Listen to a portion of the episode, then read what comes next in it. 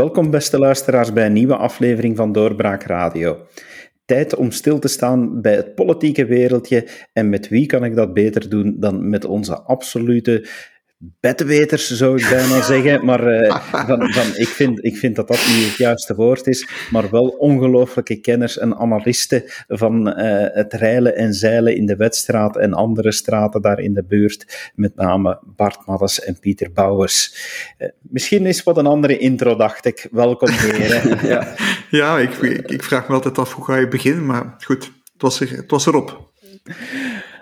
Bart, ik denk dat ik eh, bij jou ga beginnen met, uh, met ja, iets waar, waar je zelf, zelf bij betrokken bent. Het heeft toch al wat aandacht in de pers gekregen.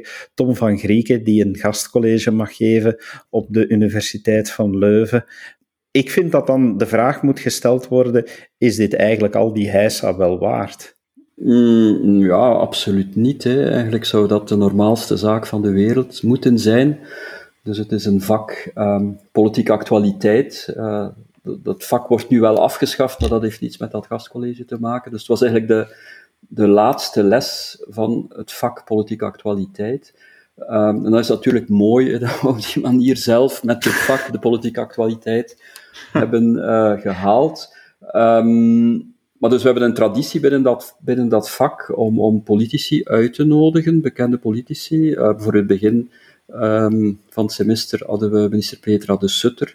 We hebben eerder al Jan Jan Bon over de vloer gehad. Um, Chris Peters, uh, Bart Somers, um, Louis Tobak, Luc van den Brande, burgemeester Ridouani, uh, Pedro Facon. Dus echt een heel brede waaier van, van gasten die we al hebben uitgenodigd in dit vak.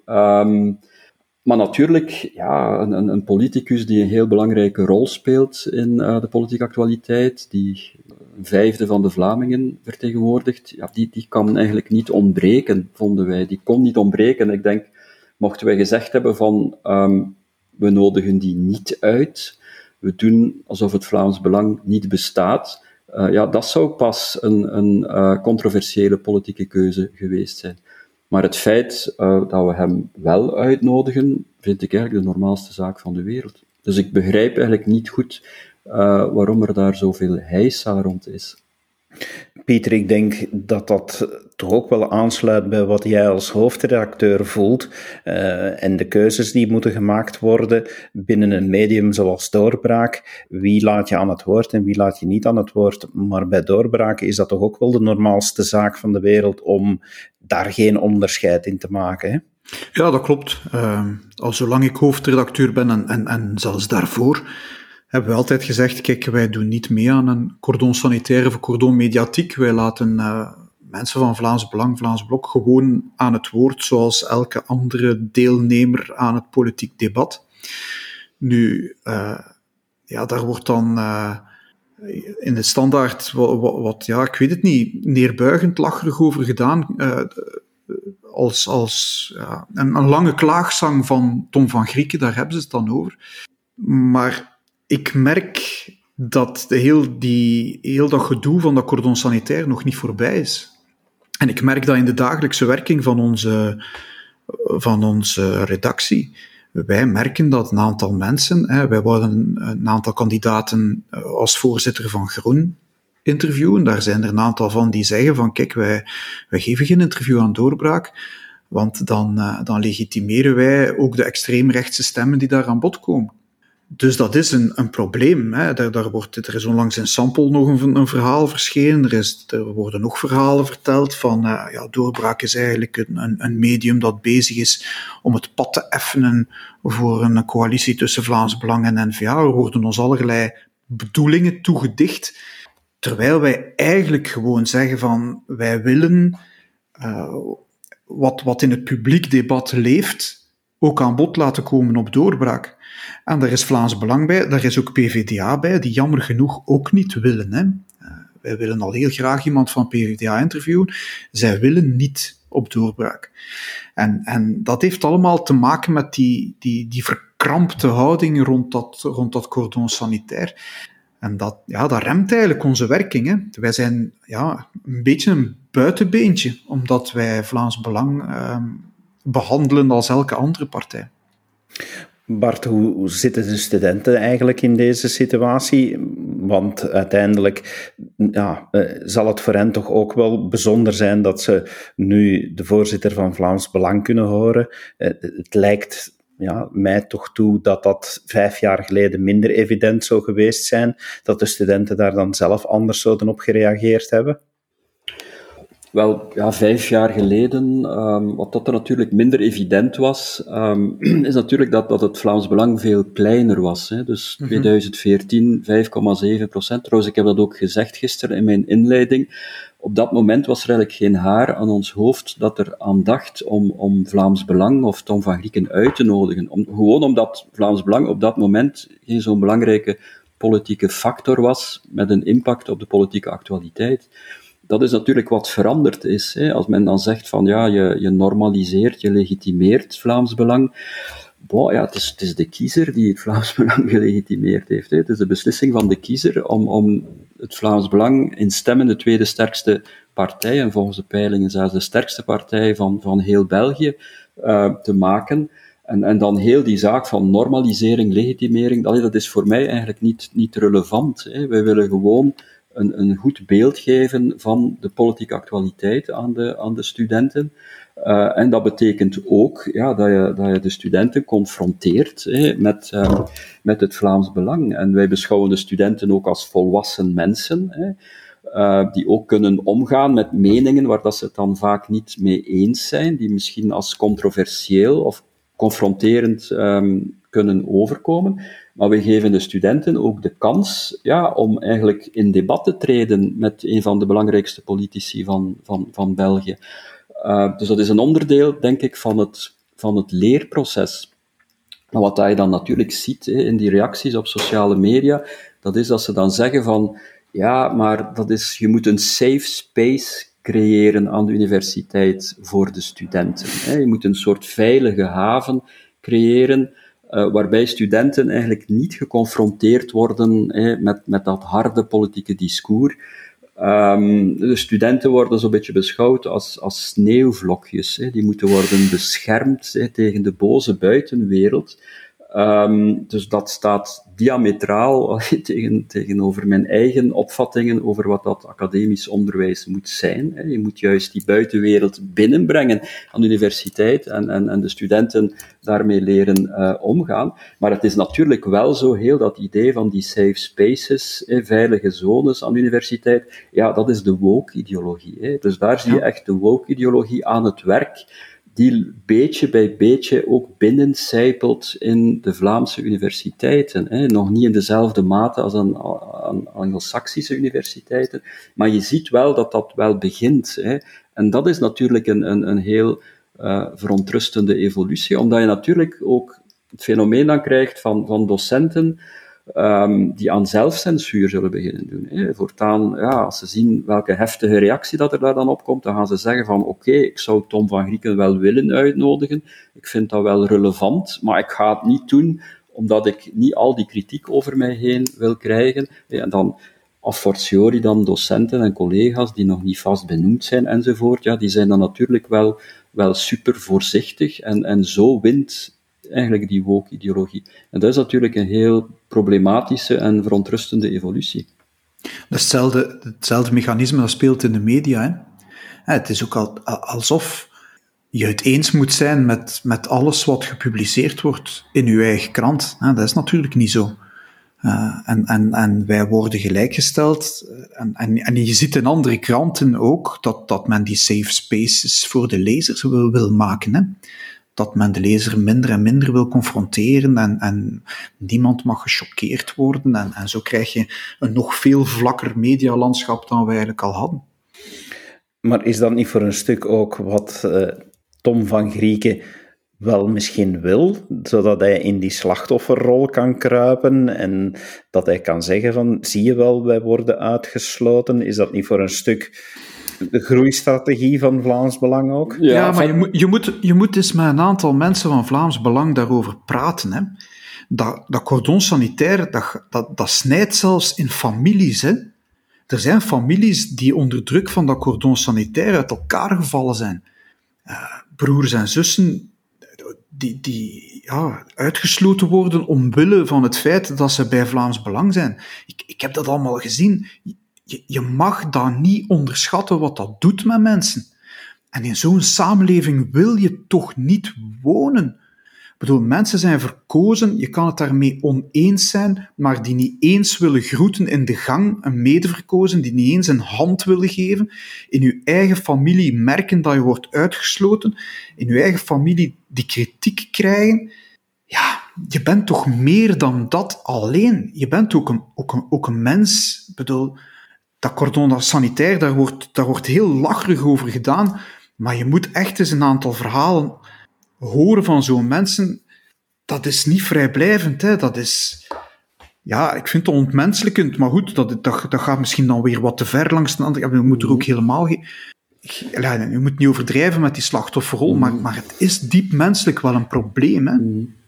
Ja, dat was inderdaad het onderwerp gisteren hè, van, van de lezing, want het ging, het ging niet over de, de ideologie van het, het Vlaams Belang. Um, dus het ging specifiek over het cordon. Hè, en de titel van de, van de lezing was Het cordon, zegen of vloek voor het Vlaams Belang. En dus het antwoord van Tom van Grieken was: hè, het is zowel een zegen als een vloek. Maar ik denk, en dat kwam ook aan bod gisteren, je moet natuurlijk een onderscheid maken tussen uh, het, het, cordon als, als afspraak om niet te besturen met het Vlaams Belang, enerzijds, en aan de andere kant, wat ik altijd noem, het, het, de fundamentalistische versie van het cordon. Ik denk niet willen besturen met het Vlaams Belang. Ik ben daar radicaal tegen. Hè. Ik heb altijd gezegd, uh, al van in de jaren negentig, van je moet, je moet praten met Vlaams Belang, je moet, je moet onderhandelen met, met het, toen nog het Vlaams Blok. En, en dan zal blijken hè, of die partij bereid is om water bij de wijn te doen. Uh, mm Dus de proof of the pudding is in the eating. Hè. Je, en, en, en als blijkt dat het Vlaams Belang uh, vasthoudt aan, aan allerlei onuitvoerbare voorstellen of illegale voorstellen, ja, dan kun je daar natuurlijk niet mee besturen op eender welk niveau. Uh, maar je weet dat pas als je onderhandelingen begint met die, met die partij. en, en, en bovendien denk ik ook dat het goed is voor de werking van het politieke systeem dat je radicale partijen eigenlijk binnen het systeem zuigt. Hè? Omdat natuurlijk partijen, radicale partijen die dan besturen, die worden automatisch ook gematigder. Hè? Dat, dat worden dan inderdaad systeempartijen. Het mooiste voorbeeld is de Allianza Nazionale in Italië, de jaren 90. Dat was in feite de neofascistische partij, dat was de opvolger van de MSI, mhm. maar met, met Gian, um, um, Gianfranco Fini als voorzitter. Um, is die partij dan beginnen besturen met uh, Forza Italia van, van Berlusconi. En door dat proces is die partij, eh, dus die Allianza Nationale, is eigenlijk heel gematigd geworden. Is zelfs op een bepaald moment in zaken migrantenpolitiek stond die links van, van, van, van Berlusconi. Um, dus vanuit het standpunt van het politiek systeem is het cordon sanitair een heel slecht idee. Maar dit gezegd zijnde, vind ik wel dat politieke partijen het recht hebben om te zeggen van wij willen niet besturen met het Vlaams Belang. Uh, dat is een oorbaar standpunt en ik vind ook wel, als dat zo is, hè, als ze echt zeggen wij gaan nooit onderhandelen met Vlaams Belang, vind ik het ook goed dat ze dat ook zo zeggen aan de kiezer. De kiezer moet dat weten. Hè. Dat is goed voor de transparantie van het politieke proces. Dus op zich, ik zeg het, dat aspect van het, het, het, het cordon sanitair, hoewel ik er radicaal tegen ben, vind ik oorbaar. Hè. Maar de fundamentalistische versie van dat cordon is natuurlijk iets totaal anders. Hè. Dus Pieter had het er uh, al over. Um, wij zijn ooit eens, want ik, wij gaan ook in het kader van een ander vak vaak op bezoek op het hoofdkwartier van politieke partijen. Uh, trouwens, dit, dit jaar zijn we op bezoek geweest, uh, zowel bij de PVDA als bij, als bij Vlaams Belang. Um, maar een paar jaar eerder hè, zijn we ook op bezoek geweest bij de PS, Mhm. Ehm, en dan kwam daar ter sprake van het PS zegt van kijk, dus we hebben eigenlijk als voorwaarde voor, voor lidmaatschap dat je kunt geen lid worden van de PS als je in het verleden actief bent geweest bij een uiterst rechtse partij. En dan heb ik daarop gevraagd van, ja, maar een mens kan toch van gedacht veranderen. Hè? Een mens kan zich toch mhm. bekeren hè, tot het linkse zoals men, er staat in de Bijbel, er zal in de hemel uh, meer vreugde zijn, zijn. om een zondaar die zich bekeert, dan om de 99 anderen die niet moeten bekeerd worden. Zo is dat. maar dan zijn we bij de PS heel duidelijk, ah nee, nee, Allee, iemand die ooit de beslissing genomen heeft om actief te zijn bij een uiterst rechtse partij, om um, lid te worden van een uiterst rechtse partij. Dat is ondenkbaar dat die ooit nog bij ons actief zou worden. Dus dat, is, dat zit dan blijkbaar in de genen, dat is iets, iets, iets genetisch. En dat is eigenlijk ja, beangstigend. Dat is de fundamentalistische kant van het, uh, het cordon. Um, en ja, Pieter heeft al een aantal voorbeelden daarvan gegeven, maar dan gaat het inderdaad ook over, over broodroof van mensen, over mensen die hun werk verliezen, uh, bijvoorbeeld bij de politie, uh, nu ook bij Defensie, hè, dus iemand die op een hm. bepaald moment kandidaat is voor, voor Vlaams Belang, lokaal, hè, en er zijn heel veel kandidaten lokaal, ja, die dreigt dus hè, zijn job te verliezen bij de politie. Uh, bij, bij het leer kan geen lid meer worden uh, van, van, van vakbonden, enzovoort, enzovoort. Dat, dat gaat eigenlijk heel ver. Um, en dan natuurlijk ook het, het cordon mediatiek. Hè. Tom van Grieken heeft gisteren ook een filmpje laten zien um, met Christophe Debussy, Debussy, een heel aimabele man. Maar als het dan gaat over dat cordon mediatiek, ja, dan is het eigenlijk ijzingwekkend hè, wat dat hij zegt. Die zegt van, we moeten een omheining, hè. hij sprak van een omheining, we moeten een omheining zetten rond het Vlaams Belang. Hè. Dus zo het beeld van een, ja, eigenlijk van een concentratiekamp. Um, iets wat ik bijvoorbeeld ook niet wist, dat is dat de grote spelers op het vlak van, van grote 20 vierkante meter borden, uh, die weigeren ook Vlaams Belang borden. Mm hè. Um, dus dat, dat wat zal, ja, we weten dat van de kranten, dat ze advertenties weigeren van Vlaams Belang, maar zelfs grote vierkante meter borden voor Vlaams Belang, dat, is, dat, is, dat kan ook al um, niet meer. En dan natuurlijk, inderdaad, Pieter is er naar verwezen, die, dat puur menselijk, he, wegblijven op een rouwhulde voor Vlaams Belangpolitici uh, in, het, uh, in de Kamer, uh, weigeren een hand te schudden aan, aan Vlaams Belangpolitici. Dat is inderdaad een vorm van ontmenselijking. Alleen al de term cordon sanitair, ja, je, je, je legt een cordon sanitair rond, rond zieke varkens. Hè. Dus die term komt, is afkomstig van de veehouderij. Een cordon sanitair uh, rond boerderijen met, met zieke varkens. Dus het is eigenlijk letterlijk een vorm van ontmenselijking. Hè. Dus Vlaams Belangers worden beschouwd als zieke varkens die je moet um, isoleren en dan natuurlijk is de stap, misschien, het klinkt misschien een beetje overdreven, ja, maar de stap, ja, wat doe je met zieke varkens? Je maakt die af. Dan is natuurlijk, zit je op een hellend vlak in de richting van genocide enzovoort. En je ziet inderdaad, overal ter wereld, genocides beginnen altijd met ontmenselijking. Men spreekt, voor, denk aan de, de, de, genocide tegen de Tutsis in Rwanda. Ja, de Tutsis werden dan omschreven als, uh, als kakkerlakken. En op die manier uh, ga je de drempel natuurlijk verlagen via die ontmenselijking om die effectief te doden. Dus dat is eigenlijk, dat is echt moreel verwerpelijk. En dat geldt trouwens, wat mij betreft, evengoed ten aanzien van vluchtelingen en migranten. Hè.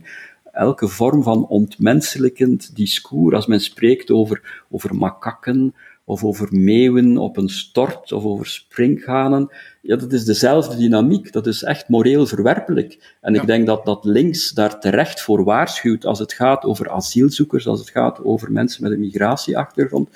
Maar hetzelfde geldt natuurlijk voor dat discours ten aanzien van Vlaams Belangers. Hè. Dat is even mhm. moreel verwerpelijk als men die Vlaams Belangers ontmenselijkt.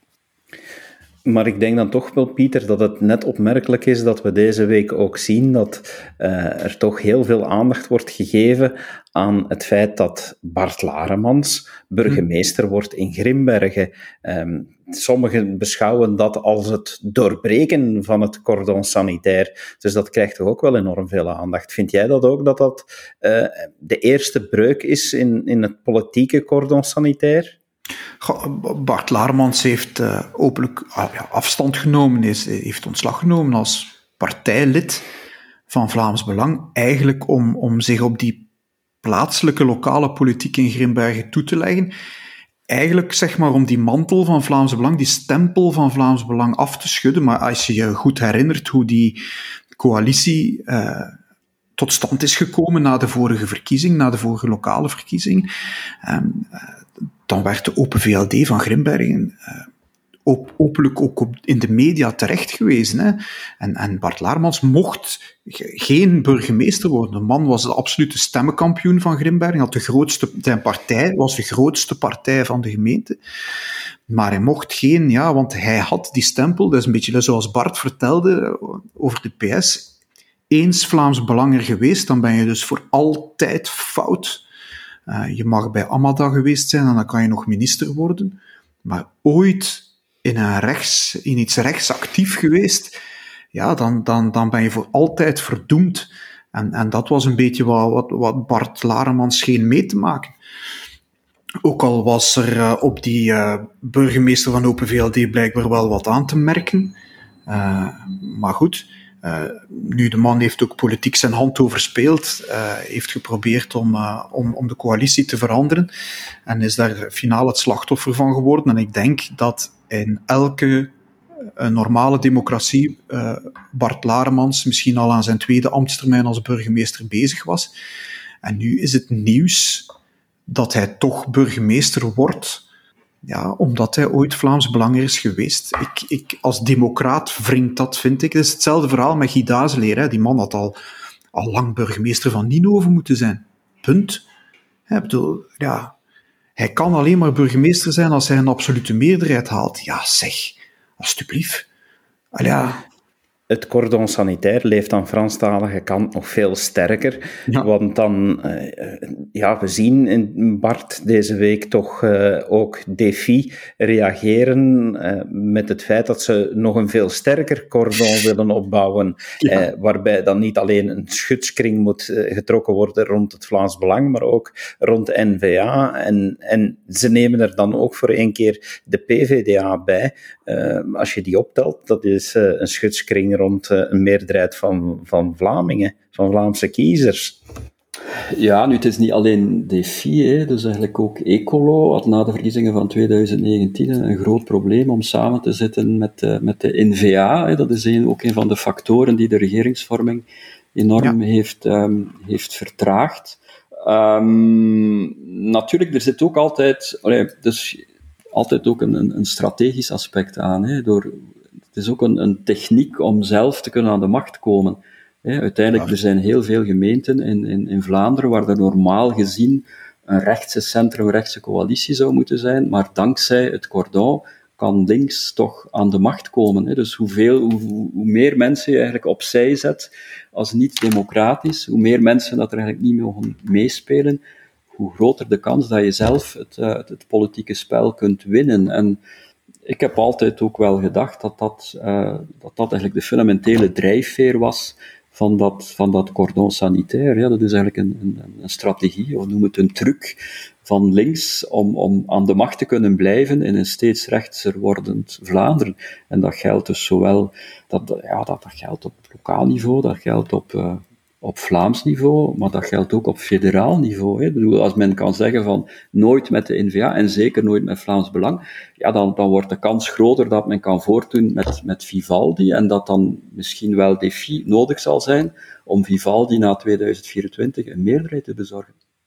Ja, maar, maar je ziet ook daar speelt België een rol, hè, David. Uh, na de vorige verkiezingen heeft Vlaams Belang uitgepakt met zo'n lijstje in welke gemeenten ze allemaal een meerderheid hebben samen met N-VA. En, en, en waar N-VA dan toch met Groen of, of SPA of Vooruit en nu uh, regeert. Een lijstje dat in debatten N-VA'ers wel, wel, wel pijn deed, had ik het gevoel. Maar je weet dat N-VA ja, op de rem staat en, en, en vraagt om, om, om lokaal ook geen, geen uh, coalities met Vlaams Belang af te sluiten, omdat ze dan weten natuurlijk dat die Franstalige partijen met de N-VA geen zaken meer willen doen en dat ze dan federaal worden uitgesloten. Uh, en de vraag is natuurlijk, hoe ver kan dat spel blijven duren? Hoe ver kun je blijven uitsluiten? En volgens de laatste peilingen hebben die twee partijen, Vlaams Belang en N-VA, samen 45% van de Vlamingen. Um, ja, je kan dan zoals DFI proberen om de verkiezingen eigenlijk grotendeels af te schaffen, omdat die niet het resultaat geven dat je zelf wil. Maar zo werkt het niet, hè.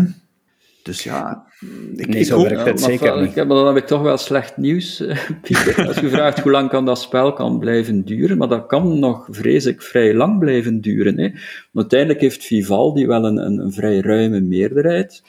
Um, 86 zetels, dus daar kan nog wel wat vanaf. Hè. Plus je hebt, hè, zoals ik zei, Defi staat klaar om te deponeren.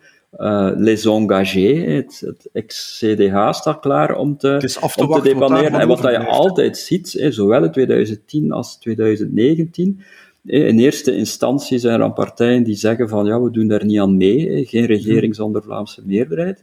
Um, en dan CD&V op de eerste rij. Maar als die, als die coalitievorming een tijdje aansleept, als dat een jaar duurt, ja, dan breken die partijen op den duur. Hè. Dan zeggen ze, ja, in belang van het land, hè, er moet een, een, een mhm. regering gevormd worden, hè, een Avanti-regering, zoals hè, Joachim Koens dan zei toen dat hij zijn bocht genomen heeft. En op die manier, ja, is de kans groot dat er na 2024, ondanks zelfs een, meer, een overwinning van Vlaams Belang en N-VA, in Vlaanderen, dat er opnieuw een Vivaldi-regering komt. Maar het, het, breken van het cordon sanitair is puur opportunisme. Ik bedoel, dat, dat zal pas gebeuren als er een partij is, en, en dat zal Vlaams N-VA zijn. Ik bedoel, er is maar één keus. In, in een normaal stelsel zie je twee grote partijen en die kiezen dan een kleintje om mee te regeren, maar dat gaat in dit geval niet gebeuren. Er zijn natuurlijk ja, dat er een partij is die zegt van door met Vlaams Belang mee te gaan is de winst groter dan het verlies. En dan zal het cordon gebroken worden. En dan spreek ik zowel over lokaal als over uh, nationaal of regionaal. En lokaal zie ik dat eerder gebeuren door, door scheurlijsten of, of door, door stadslijsten of gemeentelijsten of lijst van de burgemeester. En een burgemeester die denkt, weet je, nationaal kan me eigenlijk niet schelen, maar ik kan hier burgemeester blijven samen met Vlaams Belang en ik ga dat gewoon doen. Ja. Dus dat zie ik wel gebeuren. Maar ja, regionaal moeten de puzzelstukjes wel echt heel goed vallen, denk ik, om een, uh, een regering met Vlaams Belang te hebben. Om over te gaan naar een ander onderwerp, en dan kom ik terug bij jou, Bart. Uh, staatshervorming. We hebben nog altijd die hele rare bevraging die loopt, waarover we het al gehad hebben en niet opnieuw zullen hebben. Maar uh, jij hebt wel recent betrokken geweest bij uh, misschien nog een, een, hopelijk toch wel een heel interessanter stuk over de staatshervorming, met name met, uh, met de Vrijdaggroep. Ja, dat was een debat um, met een aantal politici, uh, onder andere Sander Lones was daar, Elke, minister Elke van den Brand, um, Benjamin Dalle ook, Georges-Louis Boucher, um, staatssecretaris Dermin. En dan moest ik daar optreden als expert, samen met een collega van UCL, Céline Romainville, een constitutionaliste. Um, tja, ik, ik had eigenlijk wel meer verwacht van dat debat. Ik had zo het gevoel, dat was ook eigenlijk de bedoeling van nu gaan we eigenlijk eens horen wat de partijen echt willen. Hè. Mhm. Wat dat hun institutionele voorstellen zijn. Het was ook een debat voor echt ja, een, gespecialiseerd publiek, hè, die daar voor tijd uittrokken, uh, om eens hè, het, het, het, debat ten gronde te, te voeren. Maar eigenlijk bleven die politici toch allemaal steken in, in algemeenheden. Hè. Dus um, de, de, staatsstructuur moet efficiënter zijn, we moeten eerst de doelstellingen definiëren, enzovoort, enzovoort. Maar op heel concrete vragen hè, over die, die staatsstructuur die ze voor ogen hebben, komt er eigenlijk nooit een antwoord. Hè. Um, voor, ik geef een voor, het vierdeelstatenmodel. Uh, daar, is, daar is Groen, hè, dat was bij Monde gisteren van minister Van den Brande. Uh, die was daar een grote voorstander uh, van. Um, maar dan zei die wel hè, van oké, we willen wel dat, dat Vlaanderen nog altijd een initiatiefrecht behoudt op het vlak van cultuur en onderwijs in Brussel. Hè. Dus de, de hoe moet je dat noemen, de kip met de gouden eieren. Het Nederlandstalig onderwijs toch is in Brussel. Uh, het enige onderwijs dat echt uh, meertalige leerlingen oplevert. Dus die kip wil men dan toch niet slachten. Maar dan is natuurlijk de vraag van, ja, hoe ga je dat dan institutioneel waarmaken? Hè? In een vierdeelstatenmodel, dat Vlaanderen dan toch een soort extraterritoriale bevoegdheid behoudt in Brussel, um, en dan natuurlijk ook daarvoor betaalt ja, dan, dan heb je toch nog altijd een soort institutioneel vehikel nodig als de Vlaamse gemeenschap.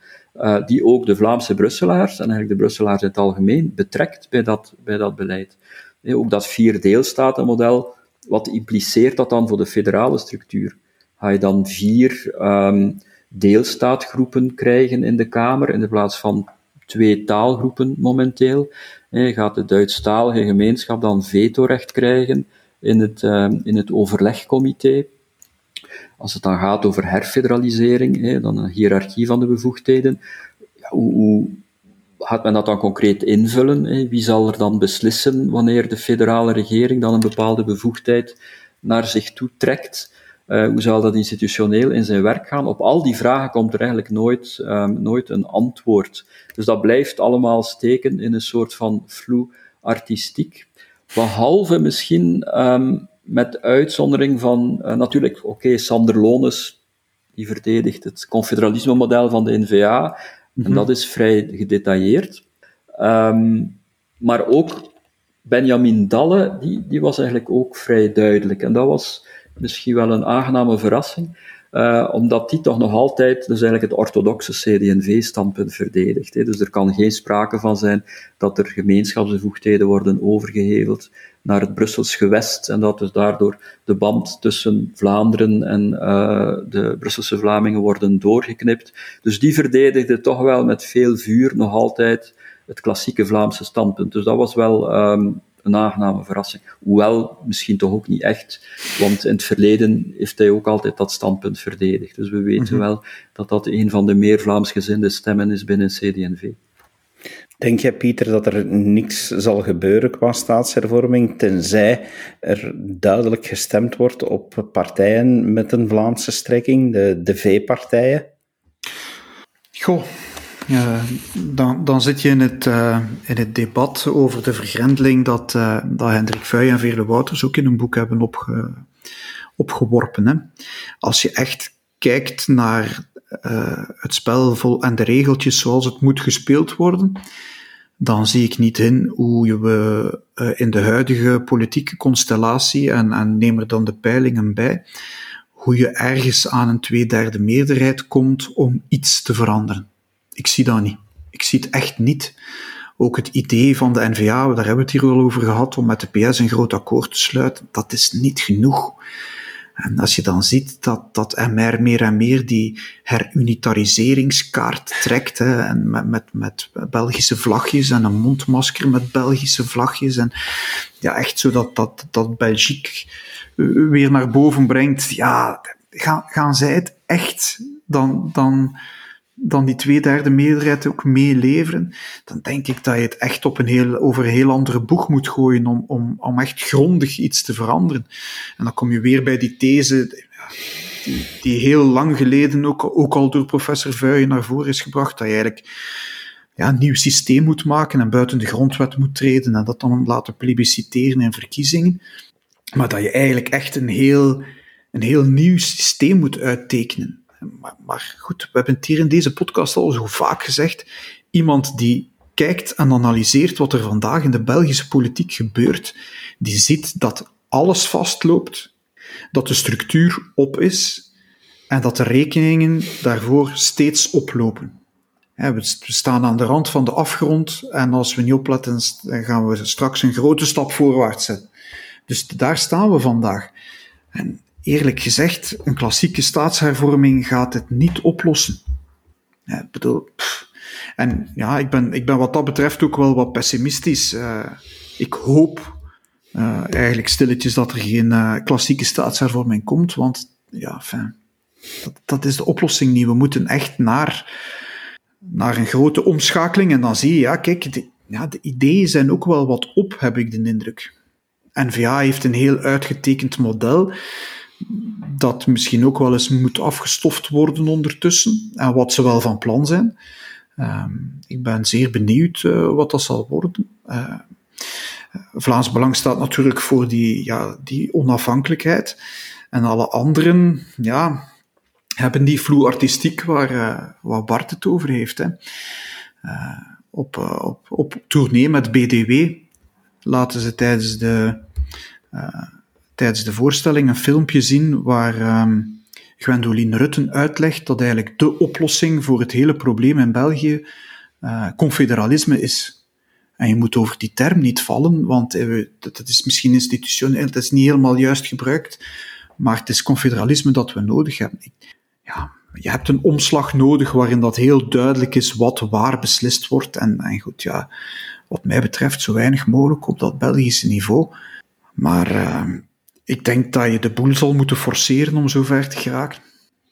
Daar hebben we het inderdaad al meermaals over gehad. En ik denk dat we stilaan in de problemen komen met onze podcast. Want uh, zowel over Vivaldi blijven we altijd maar hetzelfde zeggen. Het is op en er komt niks meer. De maar, staatshervorming, dus uh, het wordt moeilijk, hè? Ja. Gisteren kwam dan een, een, een rapport... Uh, van de Nationale Bank, van het Rekenhof, ik wil er vanaf zijn, die, die nog maar eens zegt dat de financiële situatie van dit land structureel een probleem is. Nou, dan zaten we op de redactie en dan, eh, dan, ga, dan ga je zoeken naar de vorige rapporten. En dan vind je die vorige vijf rapporten van de jaren voordien. En daar staat letterlijk hetzelfde in, David? Ik bedoel, hoe lang nog?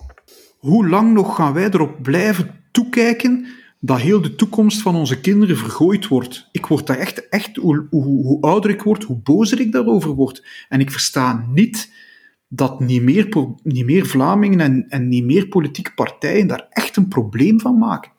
Want het is een probleem. Hè. We lachen misschien een beetje met Wallonië, maar we zitten als, als Belg mee, mee in het bad. Hè. Dus ja, het is misschien saai voor de toehoorders, maar, maar ja, ik, ben, uh, ik ben nog altijd leraar. Hè. Je moet uh, genoeg herhalen om het pedagogische principe herhaling, herhaling is, is belangrijk. Sorry. Zoals ik al zei, we zullen beginnen reruns te maken van de podcast. uh, dat maakt het makkelijker voor iedereen. Maar ik denk dat we uh, toch nu weer vastgesteld hebben wat er momenteel leeft. Dankjewel Bart, dankjewel Pieter voor jullie tijd deze week. Graag gedaan, David. Graag gedaan. En uw beste luisteraar, dank u wel dat u blijft luisteren en heel graag tot een volgende keer. Dag. Dit was een episode van Doorbraak Radio, de podcast van doorbraak.be. Volg onze podcast op doorbraak.be/slash radio of via Apple Podcasts, Overcast of Spotify. Bezoek ook onze website op doorbraak.be en steun ons door een vriend te worden van Doorbraak.